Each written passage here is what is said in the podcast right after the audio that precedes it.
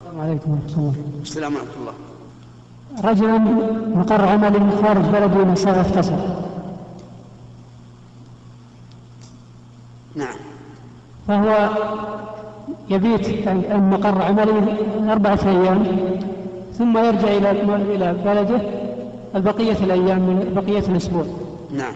فأيهما يعتبر مسافر فيما أن مقر عمله التي يبيت فيها في طيب مقر عمله هل هو مؤقت أو أو غير مؤقت لا غير مؤقت غير مؤقت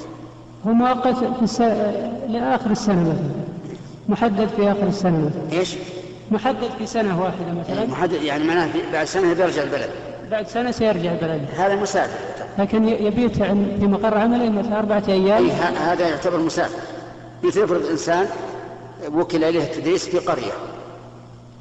في قرية من القرى يبقى فيها أسبوعا وفي وفي عطلة في آخر أسبوع يرجع إلى إلى أهله هذا يعتبر مسافرا لكن يجب عليه أن يصلي الجماعة مع مع المسلمين لكن إذا رجع إلى بلده هل يعتبر مسافر؟ لا لأنه سيرجع لأنه مستوطن يعني رجع إلى أصله هنا. فينقطع السفر